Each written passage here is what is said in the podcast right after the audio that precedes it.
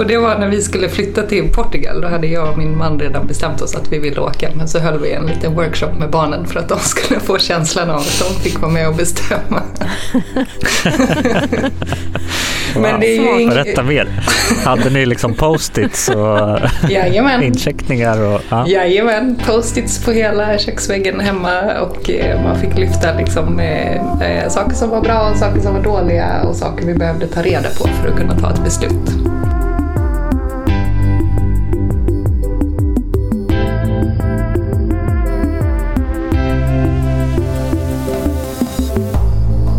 Vi på det igen. Välkommen till 100 nyanser av grönt. Avsnitt 31. Ja. Woho! Eh, idag ska vi prata om eh, facilitering. Eh, och som vanligt så är det Axel Natharsbös och jag, Josefin Tuvesson, på plats. Men vi har eh, en spännande gäst med oss idag. Eh, vem då? är det jag som ska presentera Ja, det är du. Ehm, ja, men det här är ju superkul. Mitt namn är Anna Trutsson och jag har tidigare jobbat på Avanza som UX-designer och UX-lead. Men eh, för ett halvår sedan ungefär så bestämde jag mig för att följa en liten dröm eller idé som har legat och bubblat länge. Eh, så då startade jag eget. Så nu jobbar jag med eh, ja, att hjälpa företag med att hitta strategier för att jobba insiktsdrivet med sin produktutveckling och affärsutveckling. Så det är superkul och det är jättekul att vara här också för att en annan eh, rolig sak som har hänt sedan jag eh, startade eget är att jag håller kurser och utbildningar och ett ämne som jag håller utbildning i är workshopfacilitering. Så, och det är det vi ska prata om idag. Exakt. Och en annan rolig grej är att du har flyttat till Portugal. Så därför är du inte här med oss fysiskt i rummet. Exakt. Det är också en väldigt, väldigt rolig grej. ja. Otroligt. Det är vårt första gången vi spelar in eh, hybrid. Ja. Mm. Och första gången som jag är med i en podd överhuvudtaget. Så det är mycket, mycket första gången-grejer. Ja, stort. Mm. Mm. Nej men precis, alltså det är ju, vi har ju inte pratat om facilitering eh, tidigare i podden. Eh, och det är ju lite konstigt för det är ju en stor del av en, ja. av en UX-are och designers ja, eh, jobb. Ja. Eller har vi det? Eller har vi det? Ja. Kanske, nej, vi har nog inte det. Inte fokuserat inte i alla fall. Nej, nej, precis. Så det känns ju superkul. Mm. Ja, men och det är ju det känns det som, som är lite liksom eh, faciliteringens öde. Att ligga lite i skymundan. Jag tycker inte heller det är liksom det första som kommer upp när man pratar om en UXares verktygslåda eller eh, liksom vad man gör på jobbet. Och det är inte heller självklart på alla företag att det är en liksom inbakad del av vardagen. Nej. Nej, precis. Och eh, det som jag tycker verkar vara lite speciellt med dig Anna är ju att du går igång på facilitet, alltså att du tycker det är kul. Mm -hmm. att, ja, min upplevelse är att, att många tycker att det är jobbigt. Bara, typ. Mm. Ja. Ja, så kanske det. Alltså jag tycker det är så, jag är helt såld på den här grejen. Mitt hjärta klappar ja. väldigt, väldigt eh, hårt för workshop-facilitering. Ja. Men absolut, alltså på många, och det är egentligen när jag jobbade på Avanza som jag fick chans att upptäcka det. För det är första gången jag var på ett företag där det var så inbakat i liksom allt man gjorde. Det var en sån supernaturlig del av processen och det var ingen som liksom ifrågasatte eh, varför man skulle ha en workshop eller så. Eh, vilket har varit min erfarenhet lite på tidigare eh, ställen. Att det kan vara lite så här, ja men jag är ju utvecklare, vad har jag att bidra med? Eller varför ska jag vara med? Jag, mm. jag vill ju skriva kod eller eh, jag är produktspecialist, jag kan bara mycket om produkten. Jag behöver inte vara med och bestämma om design eller liksom. Nej. Men eh, på Avanza tyckte jag verkligen man fick liksom chansen att eh, förstå vilken så här, skatt det ligger i att, eh, eh, att ses i i ett sånt sammanhang. Liksom. För det blir ett väldigt fint så här, samskapande och att alla får känna delaktighet och att det är liksom, eh, ett gemensamt sätt att driva saker framåt ganska liksom, snabbt och effektivt. Mm. Ja, men det kräver ju också att det är bra, just, just faciliteringen, alltså att, att det är vettigt faciliterat. Det kan ju bli pannkaka också. Ja. Av en, det kräver av en också... workshop. Man kan ju inte bara säga att man ska ha en workshop och gå dit och så, och så löser det och så blir det bra. Liksom. Nej. Det kräver också bra deltagare. Det, det krävs bra deltagare, exakt. Och för att deltagarna ska bli bra så krävs det bra så krävs det bra facilitering. Mm, Oftast i alla mm. fall. Men tycker du Eh, tycker du att det bara är jobbigt och tråkigt att facilitera? Nej, Eller, nej, nej jag tycker det du kan vara jättekul. Ja. Nej, jag eller? tycker att det är lite läskigt. Det som jag tycker är läskigt med, med facilitering eller med works och leda workshops ja. det är att det är så svårt att tolka stämningen tycker jag ofta. Att den är, det är ofta den här dö, dött ansikte mötet man får. Speciellt när man är på distans.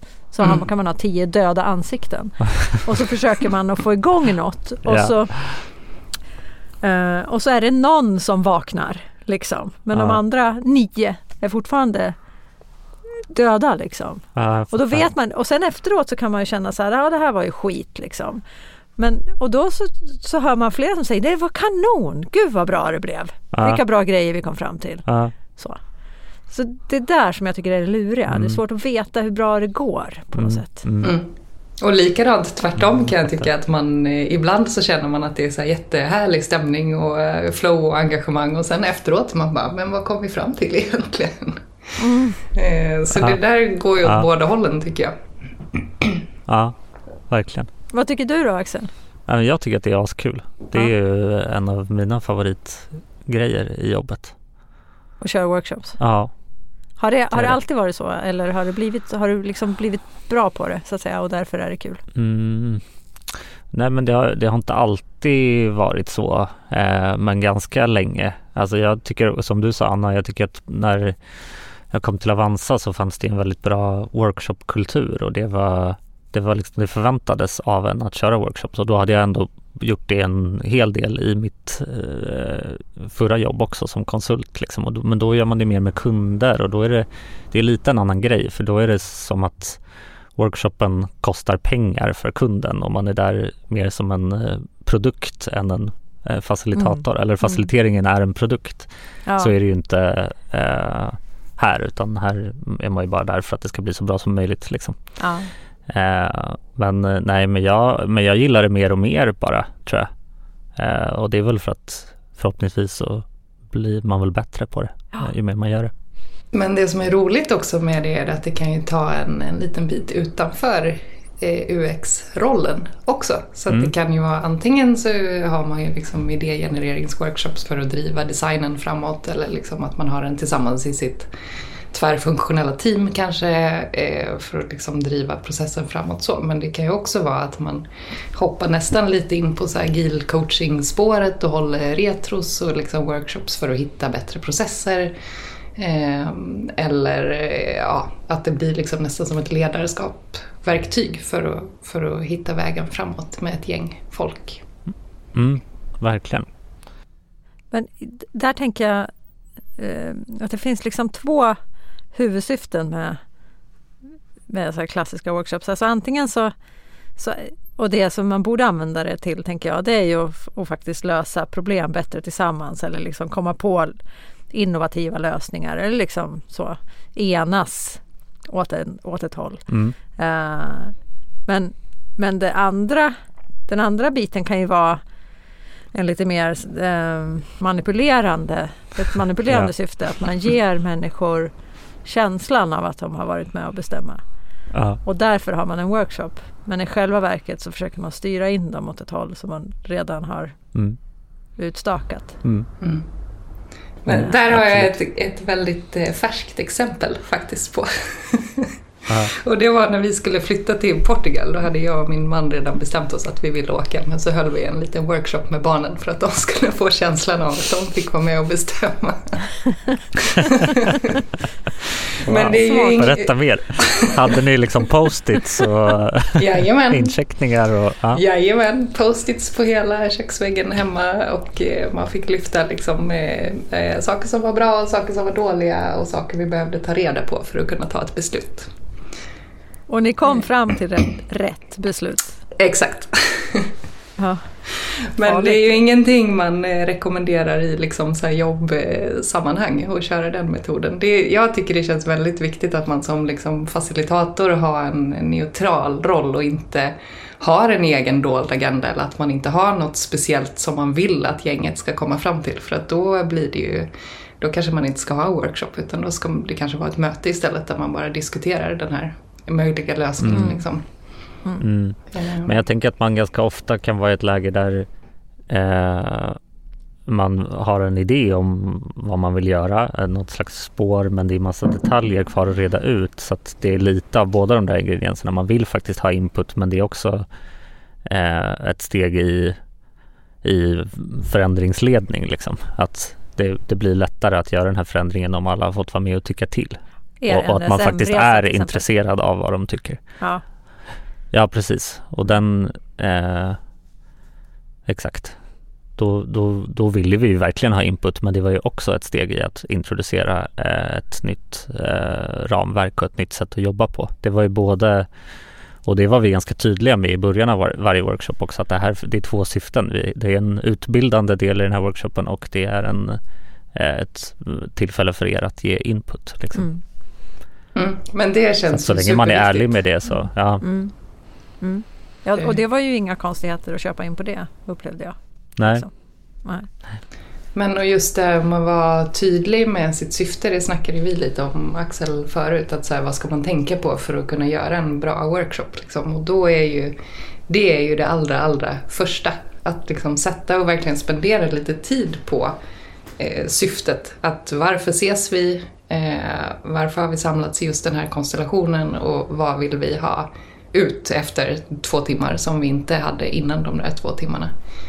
Eh, För förvånansvärt ofta så kan man lite så här glömma bort att tänka på det där. Eh, Men om man spenderar lite ordentligt med tid för att göra det så känns det som att alla andra delar faller på plats sen.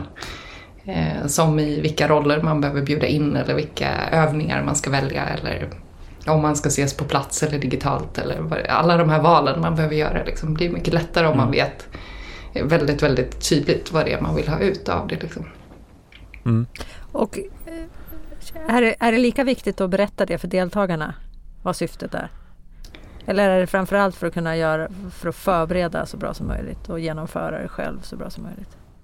Så jag tycker nog att det är väldigt bra att dela det med deltagarna och kanske även ta in input innan om de liksom har samma syn på vad det är man vill uppnå och varför man vill ses. Eh, För då behöver inte det bli som en så här obehaglig överraskning eh, sen när man väl har samlat allihopa att man hade helt olika bild av vad man gör där. Liksom. Ja, exakt. Där och där har man ju hamnat, eller där har jag hamnat i alla fall någon gång att det, workshopen börjar med att man inser att så här, okej, vi hade helt olika idéer om vad vi skulle göra här. Och det är ganska jobbigt. Ja. ja. Mm. Man sitter där Ja. med ett helt upplägg som bara, eh, okej, vad gör vi nu då? Mm. Ja, Eh, exakt. och det krävs ju också eh, Det är också en skill som facilitator att på något sätt kunna ställa om då eh, eller tweaka upplägget utifrån för så är det ju och, och det behöver inte vara så att det är, eh, blir dåligt direkt men ofta längs med vägen så blir ju inte riktigt diskussionerna kanske inte gick precis som, som man hade tänkt eller workshopen tog en annan väg än vad man hade tänkt så man måste ju ganska ofta ändå tweaka längs med vägen tycker jag Mm. Eh, och det kan ju vara både svårt och läskigt Mm. men också Mm. kul. Ja, det, det händer ju också ibland att, att deltagarna är väldigt olika. Till exempel att, att några deltagare är väldigt vana vid att vara med på, på workshops och just vana vid den typen av workshopupplägg man. Ska köra medan andra deltagare eh, kanske aldrig har varit med på en sån workshop och har en större startsträcka. Och det kan också vara lite problematiskt. Mm. Att vissa känner sig lite ja, men, jag vill säga, utanför eller liksom bortkomna. Mm. Så. Mm. Vad gör man för att undvika det då?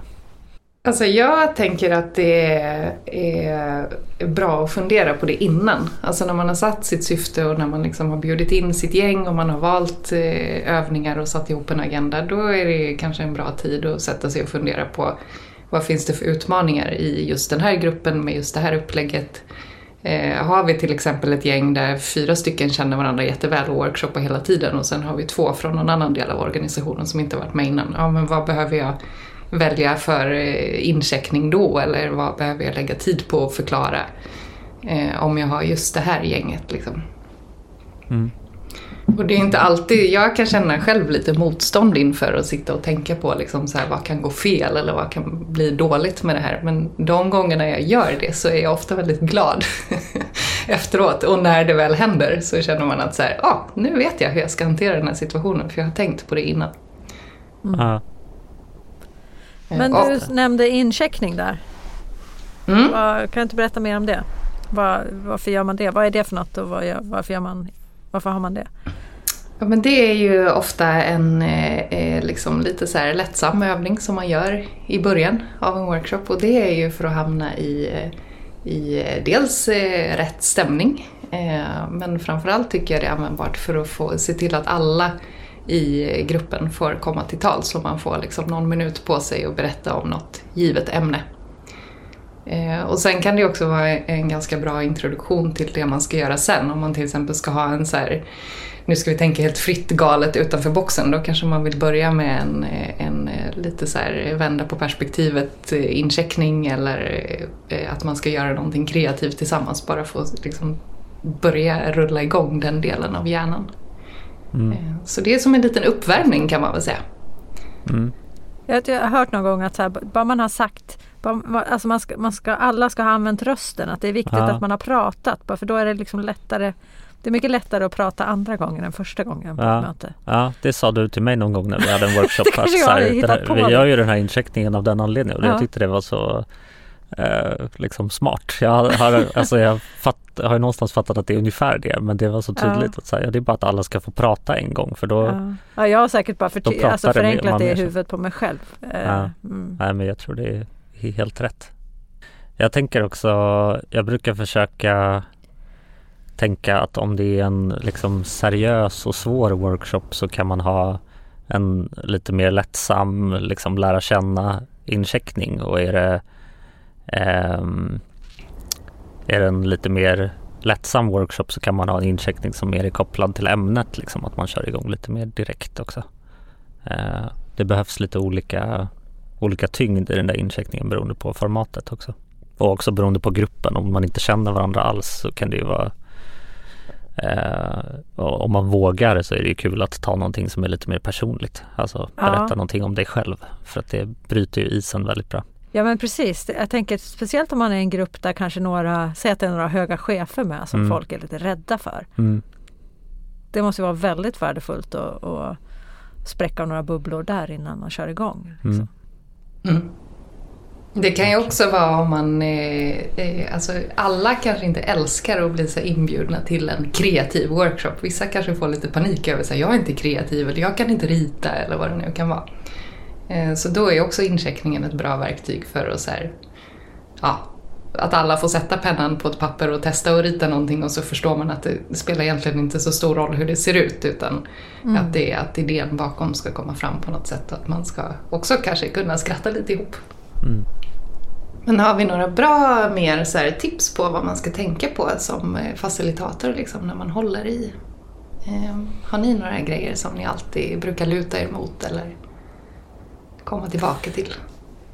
jag har ett Eh, jag har säkert tips också, men min första sån här som jag brukar säga till folk som tycker att det är lite läskigt att facilitera är ju just, för det fick jag eh, lära mig någon gång och har anammat sen, att just det här att man är bara ansvarig för att facilitera, att de som är där måste delta för att det ska bli ett resultat. Liksom. För det är väldigt lätt om man tycker att det är läskigt att facilitera workshops att man tänker att allting hänger på mig, att det här ska bli bra nu. Och så är det ju inte. Man, man kan göra sitt bästa, man kan ha ett bra upplägg men om det är någon som sitter med armarna i kors och inte vill delta så, mm. eh, så funkar det inte liksom. Man mm. måste eh, någonstans avgränsa sitt ansvar tycker jag. Då, då, då blir det mindre läskigt.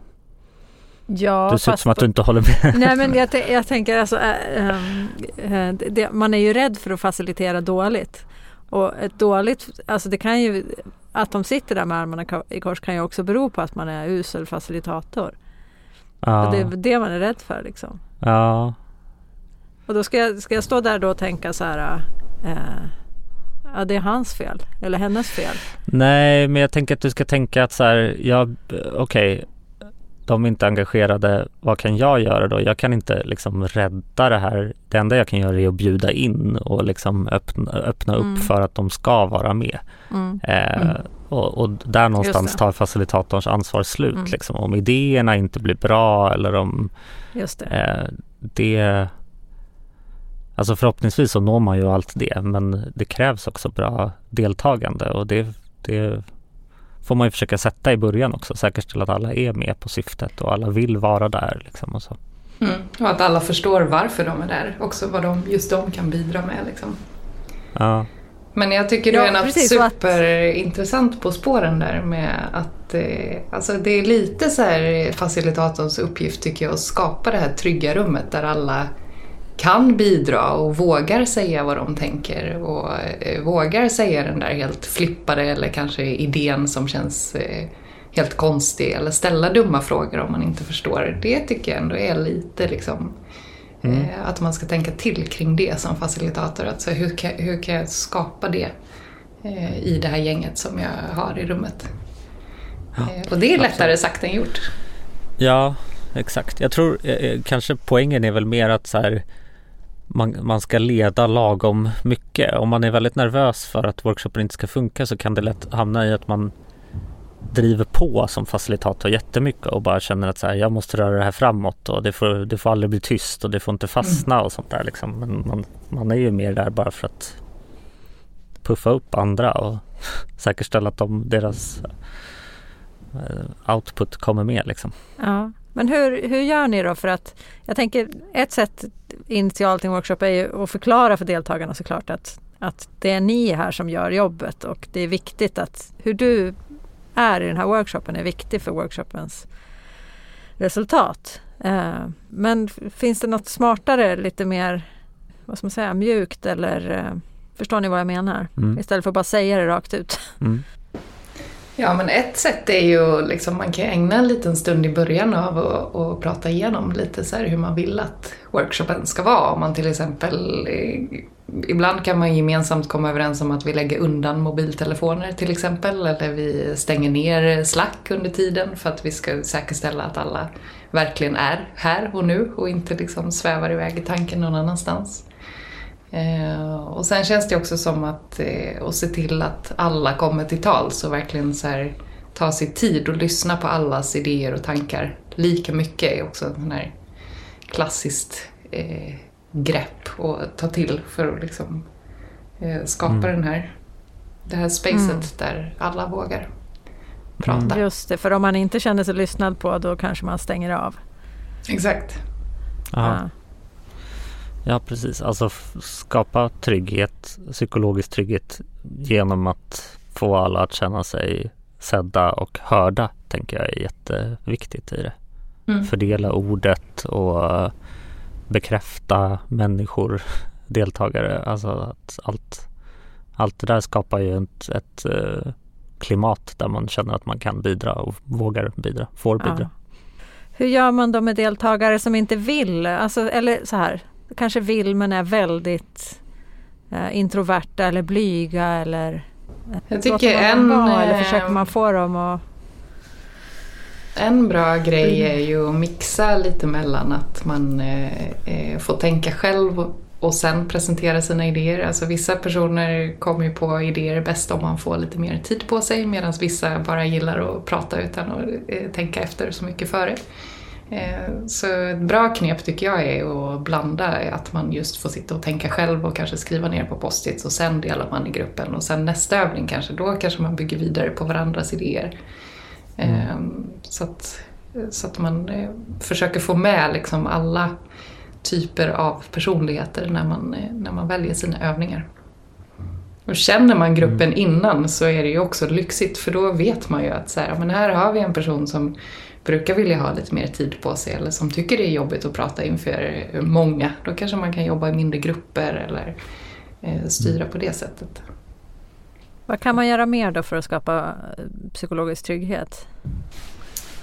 Ja, vad kan man göra mer? Jag brukar luta mig lite mot eh, SCARF-modellen och det är väl ett poddavsnitt i sig kanske. Men där finns ju ganska mycket att hämta kring mänskligt beteende och att olika personer triggas av olika, olika saker och olika situationer. Och det handlar ju mycket om eh, eh, ja, rättvisa till exempel, att det ska kännas rättvist att alla får prata lika mycket. Eh, det kan handla om visshet, att vissa personer tycker det är väldigt viktigt att veta vad som ska hända, att det finns en tydlig agenda, att man vet vilken tid det är rast, att man vet vilka punkter man ska ta sig igenom. Ehm, så det är ett tips att läsa in sig lite på det om man vill liksom grotta ner sig i hur man skapar eh, trygghet i en grupp och lite vad, och även för att lära känna sig själv. Vilka situationer triggas jag av som facilitator och hur ska jag hantera om just den situationen uppstår när jag, när jag står där och ska leda en grupp. Så det handlar ju både om att, att liksom vara lite lyhörd inför gruppen och deras behov men också för sina egna. Mm. Just det. Har ni några sådana eh, exempel på jobbiga situationer som ni har hamnat i när ni faciliterar? Alltså jag kommer ihåg en, eh, alltså det här var jättelänge sedan när jag, jag var ny konsult, mitt första konsultjobb, eh, ett uppdrag på en myndighet och vår, eh, den personen som vi jobbade ihop med, det var jag och en, en, en rutinerad konsultkollega som skulle hålla en workshop med en ledningsgrupp på en myndighet och den personen som, som var vår beställare eh, de andra i den här ledningsgruppen som vi skulle ha workshopet med avskydde den här personen som hade beställt det här jobbet av oss. Så de satt till tio pers med armarna i kors och bara blängde på oss och tyckte det här, så de hade liksom, det var som att alla hade bestämt sig innan för att det här ska inte jag bidra till. Ah, ah. Gud vad jobbigt. Start. Det var en uppförsbacke kan jag säga. Ja.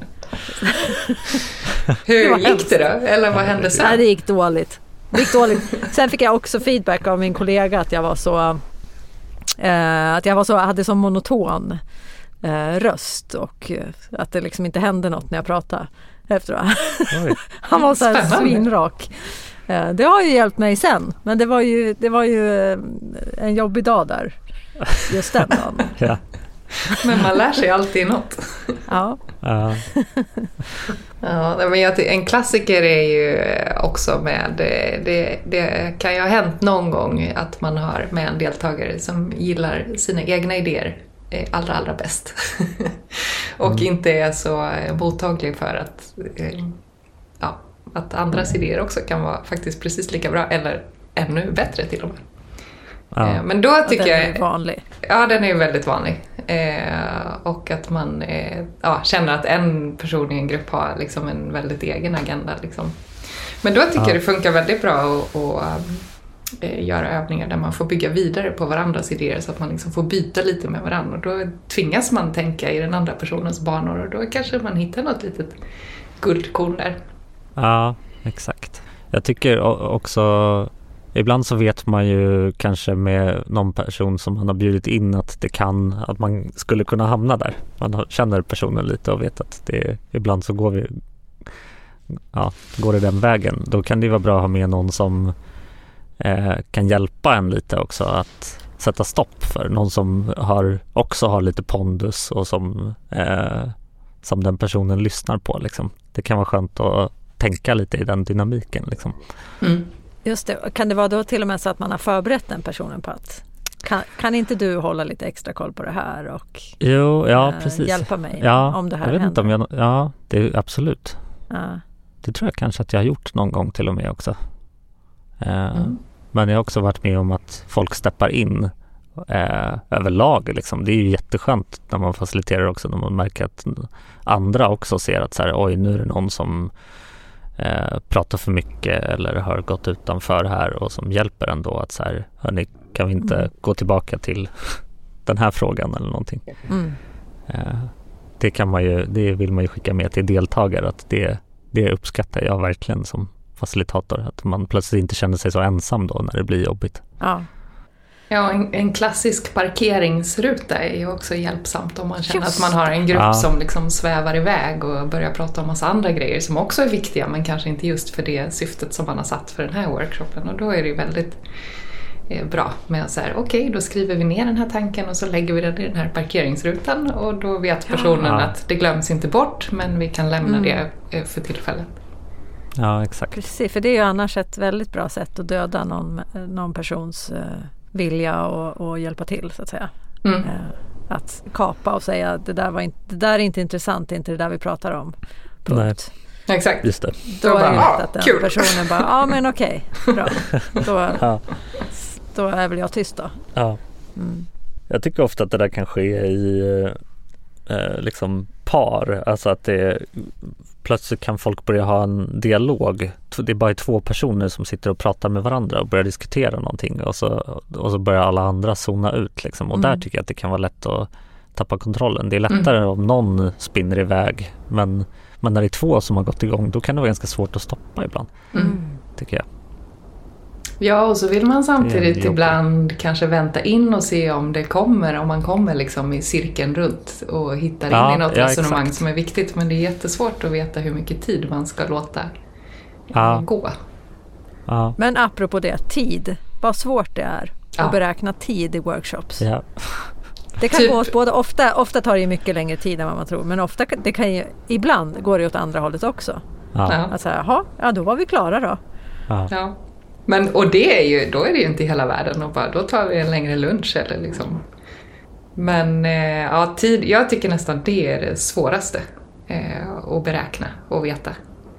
Eh, hur lång tid saker och ting kommer ta. För man har ju ingen aning om liksom, eh, hur diskussionerna kommer te sig. Liksom. Eller ibland har man väl det, men det är ofta man inte vet. Och så vill man, om man är något så här, intressant på spåret, då vill man inte släppa det och gå vidare bara för att man har en agenda. Liksom. Nej, för man vill ju bli klar också. På något. Så, det kan ju vara lockande och så här, äh, men nu bryter vi här och så tar vi de här tre sista delarna nästa gång. Men då har man tappat det här, man var liksom inne i någonting. Mm. Det är svårt att, svårt att komma igen i del två Mm. kan jag tycka. Man vill Mm. göra klart. Mm. Eh, Ja, jag håller med. Speciellt om man eh, eh, bara hade planerat tiden dåligt så att man var tvungen att bromsa halvvägs. Liksom. Då kan det vara svårt. Ibland så har, tycker jag att det kan vara bra att ha workshops som är uppdelade i två delar från början. Att man gör någonting, eh, kanske genererar mycket och liksom öppnar upp diamanten och sen så säger så här, okej men vi slutar där. För då har man också chansen att liksom bearbeta materialet lite och så komma tillbaka i del två och eh, apropå det här med eh, luriga syften, då har man, då har man kunnat liksom influera lite vart, mm, eh, vart, vart vi ska och koka ner resultatet. mm. Just det, deltagarna har fått lite distans. Mm. Mm. Ja, men överhuvudtaget kan det vara smart att skilja på liksom så här, den här helt öppna idégenereringen där man bara ska komma på så mycket som möjligt och det inte finns några dåliga idéer. Liksom. Eh, och sen i nästa del då kanske man behöver verkligen samlas och prioritera och, och lite skjuta ner det som faktiskt inte var så himla bra. Eh, men det Nej. kan vara ganska skönt att ha dem i två separata så att det blir väldigt mentalt tydligt också att det är, att det är två olika grejer liksom, och båda de fyller Ja. sitt eget syfte. Ja, exakt. Viktor Hultman som är produktägare hos oss, han hade en jättebra workshop när vi jobbade i samma team för att sätta mål för året som var just så här, då hade vi typ ett futurespective i första delen där alla fick eh, tänka kring så här var, var är vi om ett år liksom som genererade massa idéer och sen så pausade vi och så en vecka senare samlades vi igen och då hade han tagit dem och eh, förvandlat det till ganska krispiga mål och så fick man en chans att ge input på de målen igen och det var så det Mm. funkade så himla bra. Det var så skönt att någon också gjorde det där jobbet för det är ju eh, det tänker jag också är en jättesvår grej med workshops att koka ner det i slutändan. Alltså att om, man, om målet är att få fram en eh, enad bild eh, hur man gör det, att få massa deltagare som hade massa olika idéer att komma överens och konkretisera den där sista grejen. Då kan det vara skönt att, eh, att tv-kocka det lite till nästa tillfälle. Mm.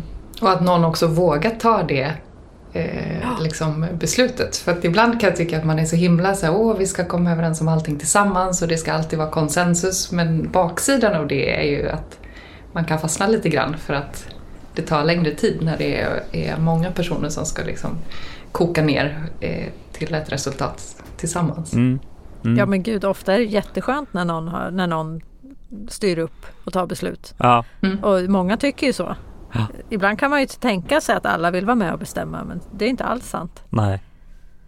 Nej men och sen supersmart så som han gjorde att så här, nu har jag Ja, gjort så här, vad tycker ni om det?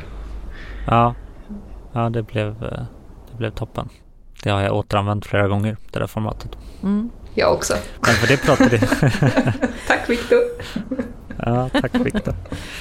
Men det pratade vi om lite förut också Anna, just eh, Design Studios är ju, det, det är ju ett workshopformat som vi kör väldigt mycket på Avanza där man eh, skissar tillsammans på ett problem. Eh, och där tänker jag att det finns någon eh, utopi om att man ska komma ut ur en designstudio och liksom veta vad man ska göra. Att det, så här, det sista steget då skissar man typ på tavlan tillsammans och alla får tycka och tänka men någon styr pennan typ. Och det, så, här, så har det aldrig riktigt funkat för mig. Man kommer Nej. alltid därifrån med massa olika idéer. Jag har heller aldrig och lyckats. Nej. Men och där är det ju också, alltså det, det är också att hitta balansen mellan att följa ett workshopformat till punkt och pricka men eh, ofta behöver man göra någon liten tweak på det för att det ska passa just den egna situationen. Liksom. Ja. Och där tycker jag du hade bra tips Axel och bara vara tydlig med från början att så här, ja, vi kanske inte kommer komma härifrån med en enda eh, välpaketerad sanning som vi kan börja bygga på dagen efter. Liksom, utan det kanske måste vara någon designer som tar, samlar ihop allting och, och gör precis som Viktor gjorde med målen. Att man kokar Mm. ihop det efter bästa förmåga och sen ber om input igen vid ett senare tillfälle. Mm, precis. Jag har haft en designstudio där en av deltagarna vägrade att skissa. Aha. Mhm. Berätta mer. Va, ja, precis. eh, hen skrev punkter istället. Aha. Trots upprepade uppmaningar och vi är alla dåliga och eh, det spelar ingen roll hur det ser ut. Så. Gick inte. Mm. Och hur kändes det Jag har varit med om att folk därifrån? skriver ja, ja. Ah, jag vet inte. Sådär. Det blev väl inte toppen. Intressant. Jag har också varit med om att folk skriver punkter men jag har nog alltid bara låtit det gå. Mm. In, tänkt att så här, ja ja. Just det, du börjar inte bråka som jag Nej. Nej. exakt. Okej, där har vi tipset. Nej, jag vet inte. Det kan nog vara bra att bråka också. Det är det exemplet. Ja. Vad, vad tycker ni om eh, dot voting i workshop-sammanhang? Jag tänker apropå designstudion och eh, Alltså jag gillar det för att det tvingar folk att ta, eh, välja eh, och ha en åsikt. Mm, Det är ofta det här som jag tycker är läskigt att, att man inte riktigt vet vad man har folk. I dot voting så vet man ju det. ja, Det gillar jag. ja, just det. Mm. Folk kan inte eh, hålla på och diskutera kring någonting utan man måste faktiskt sätta en prick någonstans. Precis, liksom. eller sitta tysta. Ja, Mm. ja, just det. Men jag kan uppleva ibland att det blir lite så här som en... eh, Lite så här... Att man gör den där dot-votingen och så känns det som att man har gjort ett demokratiskt beslut. Men sen efteråt så tycker man typ inte att det blev ett riktigt beslut ändå. Att det inte riktigt räknas på något sätt. Jag vet inte om ni har upplevt det. Men Hur, hur då inte räknas? Vad menar du? Ja, men lite för att man gör det lite snabbt och man vet inte exakt på vilka grunder man sätter liksom sin prick just precis där. Eh, och sen kanske det, det, ja, det går någon vecka och när man tittar på det igen så är man så här, men var det här verkligen rätt beslut? Och så känns det som att det inte riktigt är valid liksom. Nej, Nej jag, jag förstår vad du menar. Eh, och jag tänker också att det hänger ihop lite med det men det blir ju när, en, när någon väl har börjat sätta sin prick så har ju den redan satt eh, styrt hela gruppen på något sätt. Liksom. Man sätter ju prickar där andra har satt prickar. I Ja, alla men fall. Inte om man kör så anonym eh, Nej, voting på, exakt. i Miro. Ja, det, det, det tar ju bort det elementet. Mm. Det är roligt tycker jag. Ja. Bästa feature. Så bra. Ja. ja, Ja. exakt. Men apropå det, ska vi snacka lite om eh, eh, format, alltså digitalt versus att ses i verkligheten. Mm. Eh, Mm. Vad har ni för Mm. erfarenheter där? Vad föredrar ni? Ja men först så tänker jag, det tror jag vi har pratat om på podden förut att eftersom vi inte alls hade distansarbete innan pandemin på Avanza så hade vi, vi gjorde ju allt eh, på kontoret liksom och då tror jag att jag tänkte i alla fall att så här i framtiden så, så här, man kommer ju absolut när man ska tillbaka till kontoret det är ju typ workshops som man vill komma in för liksom att det är då det är då man verkligen måste samlas men den sanningen tycker jag ändå att vi utmanade lite att just workshops var ibland ganska smidigt att ha på eh, hybridlösning för. För att alla sitter ändå i MIR och liksom, ja. eh, mm. man behöver inte samlas för det. Precis, tänk man stod och samlade ihop 300 post-its. Ja. Och så bara, nu ska jag sammanställa det. Ja. Exakt. Dokumentationen är ju mycket, mycket lättare när man ja. kör digitalt. Ja. Mm. Har ni provat i Miro finns det ju såna här, det finns ju AI-verktyg som, som kan klustra och sådär. Ja. Har ni provat dem? Nej, jag har inte testat det än. Inte gjort det. Nej, inte Nej. riktigt. Bara lite grann. Ja, det verkar ju spännande annars. Mm. Vad skulle du säga Anna?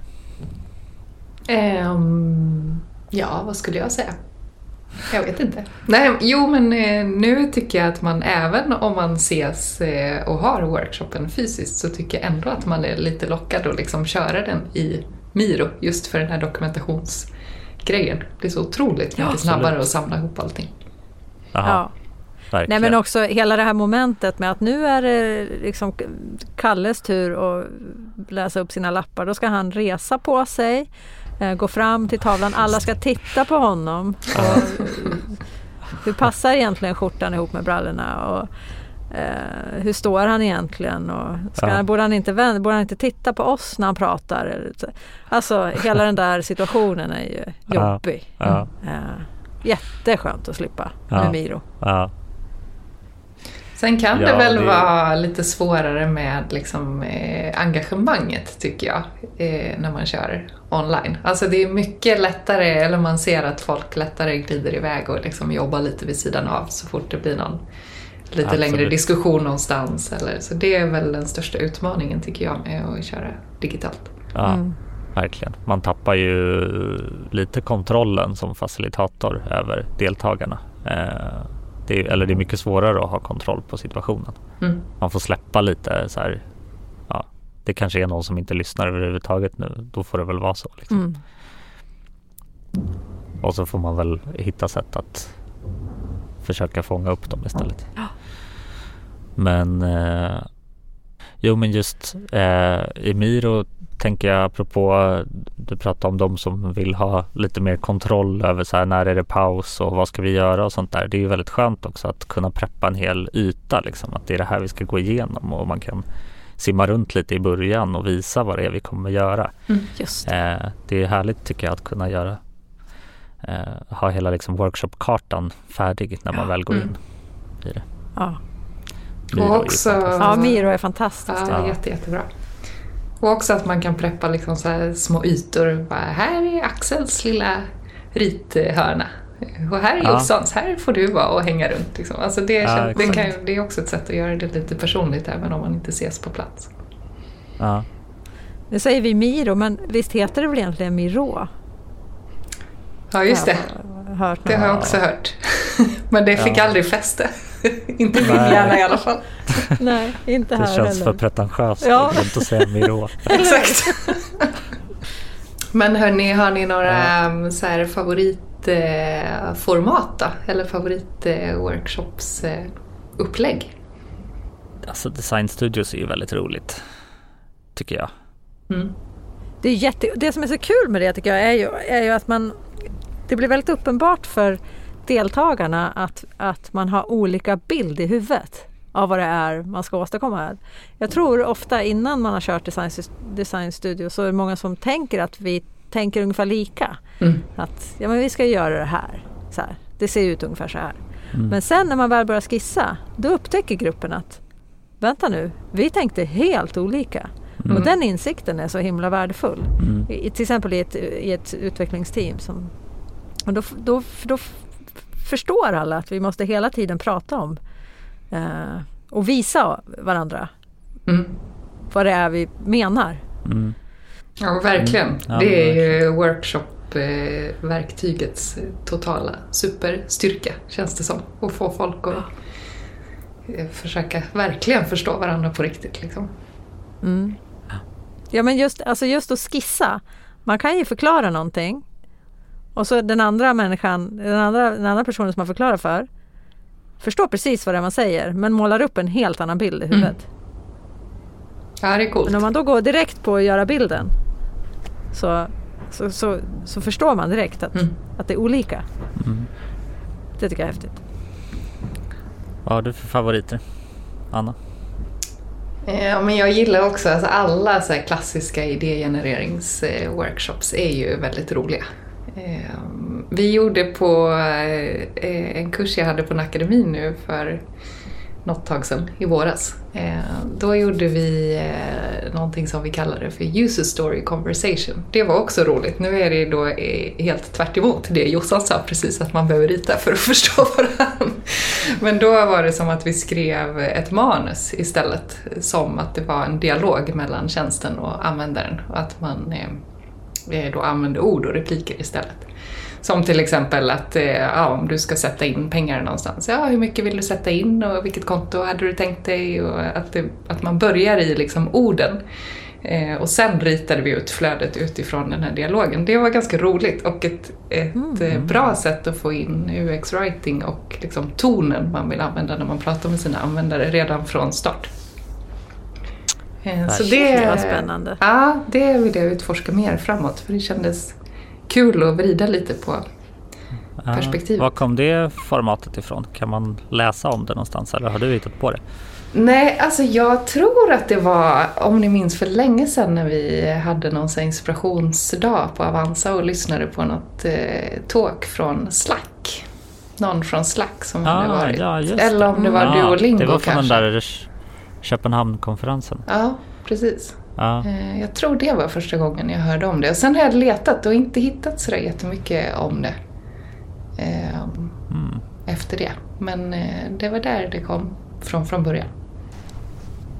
Men jag tänker också att, att det, det är ganska stor skillnad, eller det är väl stor skillnad att ha en workshop som till exempel handlar om och, eh, vision, alltså att det är väldigt abstrakt och väldigt långt fram mot en workshop som handlar om att till exempel ta fram ett gränssnitt för en specifik feature. Ja, mm. jättestor skillnad. Jättestor skillnad. Mm. Men det är det jag tänker också är kul med Design Studio att, eh, att det kan vara ganska det behöver inte vara så himla stort. Man kan samlas eh, en timme eller Eh, två timmar eh, teamet bara och fokusera på ett problem. Liksom. Det, och kräver nästan ingen förberedelse alls? Nej, nej. typ ingenting. Bara, ja, men hur ska vi lösa det här? Och så skissar man tillsammans och sen mm. så är det klart. Liksom. Mm.